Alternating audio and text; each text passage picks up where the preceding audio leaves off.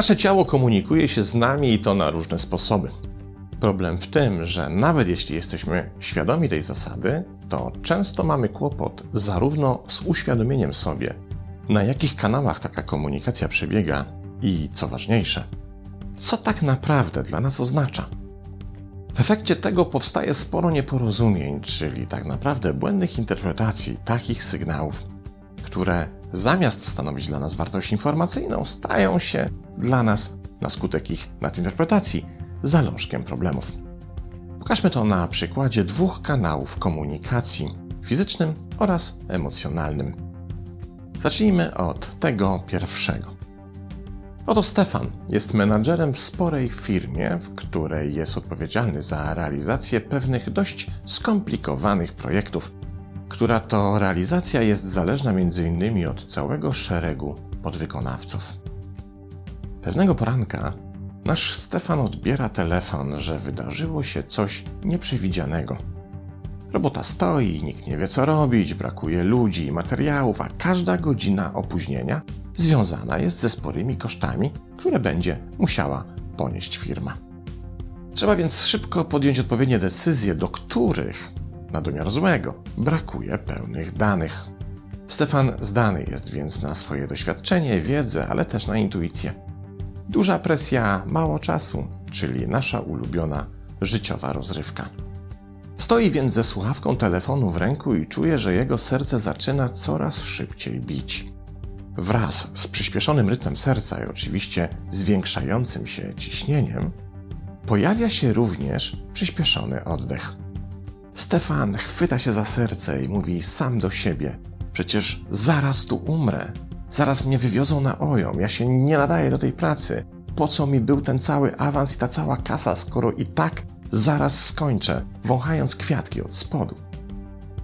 A teraz przyjrzyjmy się Kazikowi, który jest dokładnie takim samym menadżerem w identycznej firmie, tyle że po drugiej stronie kraju. I pewnego poranka Kazik doświadcza dokładnie takiej samej akcji. Najpierw dzwoni telefon z informacją, że kluczowy projekt się sypie i trzeba podjąć szybkie decyzje, bo z minuty na minutę koszty przestoju rujnują firmę. I oczywiście Kazik zaczyna notować w swoim ciele dokładnie te same objawy co Stefan: przyspieszony rytm serca, wzrost ciśnienia i szybki, płytki oddech. Jednak reakcja Kazika jest zupełnie inna. Mówi o to sam do siebie. O, pompa przyspieszyła i wkroczyła żywo do akcji. A teraz do pompy dołączyły jeszcze płuca i wspólnie robią wszystko, co mogą, żeby mi w tej sytuacji pomóc. Zarówno serce, jak i płuca zaczęły zwiększone obroty, żeby do mojego mózgu oraz reszty ciała dostarczyć jak najwięcej tlenu. Super, wielkie dzięki. W takich stresowych sytuacjach jest mi to niezwykle potrzebne. Muszę mieć przecież jasny umysł i w pełni sprawny organizm, żeby podejmować naprawdę ważne i trudne decyzje. Jaka jest różnica pomiędzy reakcją Stefana i Kazika? Stefan uznał, że nie dość, że w jego życiu pojawił się stres, to jeszcze w tej najgorszej z możliwych sytuacji zaczęło mu wysiadać serce. Przejął się podniesionym ciśnieniem i zwiększoną wentylacją, a fiksując się na reakcjach swojego ciała, na pewno nie potrafi się skupić nad rozwiązaniem problemu. Tymczasem Kazik, obserwując w swoim ciele te same reakcje, nie tylko się nie zmartwił, ale wręcz ucieszył. Uznał bowiem, że jego organizm reaguje tak nie po to, by mu zaszkodzić, ale po to, by mu pomóc. Takie same stresowe reakcje, a jakże różna interpretacja, prawda? Przywołam tutaj te same wnioski z badań, których e, użyłem w książce Pokonaj stres z Kaizen. Otóż taka właśnie, jak opisana wyżej, zmiana reakcji na sygnały płynące w stresie z naszego ciała pozwala zmniejszyć uczucie stresu aż o 80%. Ale przejdźmy do drugiego przykładu. Tym razem posłuszmy się komunikacją emocjonalną, czyli kolejnym kanałem, za pomocą którego otrzymujemy niezwykle ważny pakiet informacyjny z naszego organizmu, który bardzo często nieprawidłowo interpretujemy. Oto Kaśka. Jest tłumaczem i pracuje w domu. Siedzi przed komputerem i tłumaczy na zlecenie. Jedynym jej stresem jest tak naprawdę kwestia wyrobienia się w czasie z konkretnym zadaniem. Dlatego też narzuciła sobie dość konkretny rygor. Codziennie od 8 rano bierze się za robotę i pracuje do oporu, żeby zdążyć z goniącymi terminami.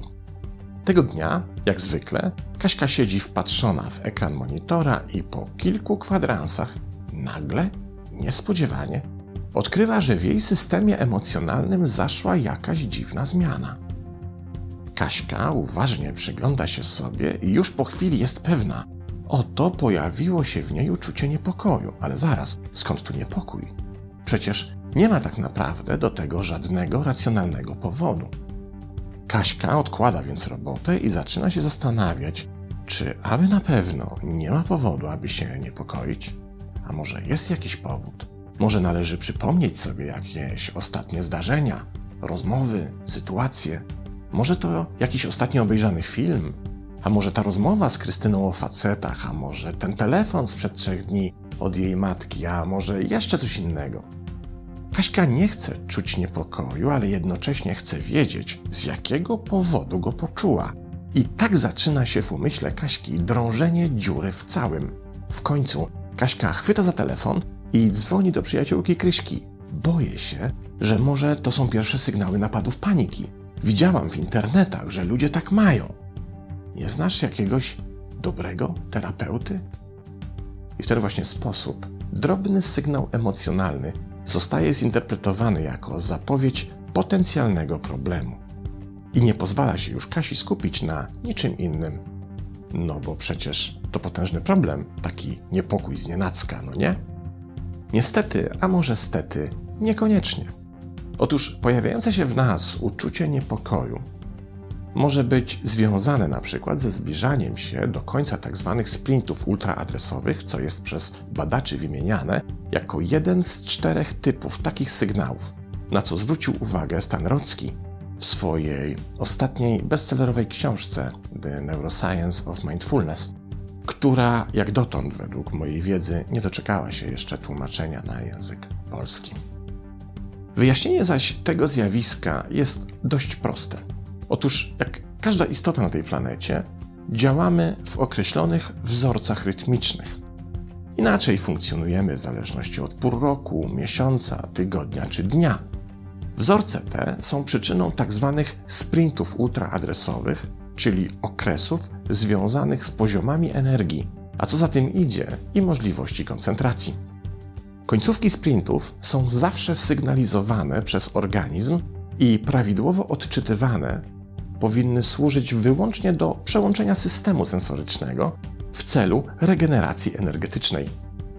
I dokładnie to stało się w przypadku Kasi. Jej organizm za pomocą niespodziewanego uczucia niepokoju poinformował ją o tym, że oto zbliża się koniec sprintu.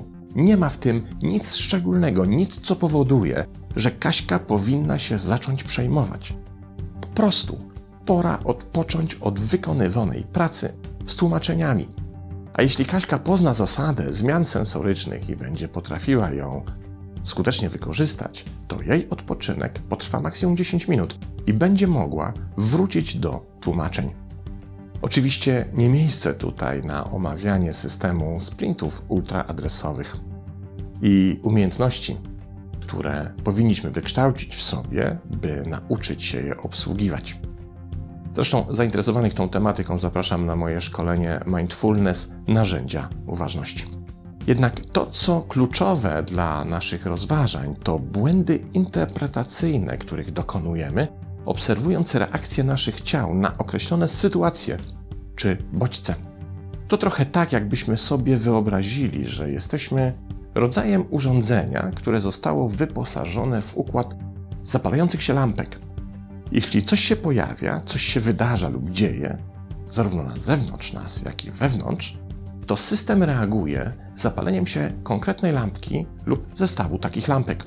My zaś widzimy jedynie zapalone światełka i zamiast nauczyć się tego, co oznaczają, zaczynamy uznawać, że to, że się zapaliły, to na pewno nic dobrego. Widzisz czerwoną lampkę i mówisz: O kurczę, chyba umieram. O, jeszcze do tego zapaliła się teraz zielona. to na pewno znaczy, że nie dość, że umrę, to jeszcze w męczarniach. Tymczasem wystarczy nauczyć się kodu własnych lampek, aby przestać się doszukiwać w reakcjach naszego ciała niestworzonych rzeczy. Często są to bowiem precyzyjne komunikaty mające konkretny cel. Albo użyjmy innego przykładu. Oto idziesz sobie przez miasto i nagle czujesz olbrzymią ochotę, dajmy na to na kiszonego ogórka. Możesz oczywiście natychmiast pobiec do jakiegoś supermedycznego specjalisty i zacząć cały cykl badań mających wykryć skąd się bierze ta ochota. Niedobór jakich składników reprezentuje i czy ten niedobór oznacza, że Twoje życie legnie teraz w gruzach. A może zamiast wpadać w panikę, wystarczy po prostu zjeść ogórka. Organizm bowiem prosi Cię nie o to, żeby chęć na ogórka stała się motywem przewodnim Twojej hipochondrii, ale żeby mu dostarczyć jakiś konkretny składnik, którego akurat mu potrzeba. Dlatego zapalił tę małą lampkę z ikonką ogórka. I nie ma co drążyć i szukać poznajomych jakichś super, hiper ogórkowych terapeutów. Czasem rozwiązanie jest prostsze niż nam się wydaje. Żeby jednak móc skorzystać z tego systemu, trzeba się najpierw porządnie nauczyć siebie, swoich reakcji, sposobów funkcjonowania i systemu komunikatów wraz z ich właściwą interpretacją. Bo nie każde poczucie lęku, niepokoju czy emocjonalnego dyskomfortu musi być od razu zapowiedzią końca świata. Pozdrawiam.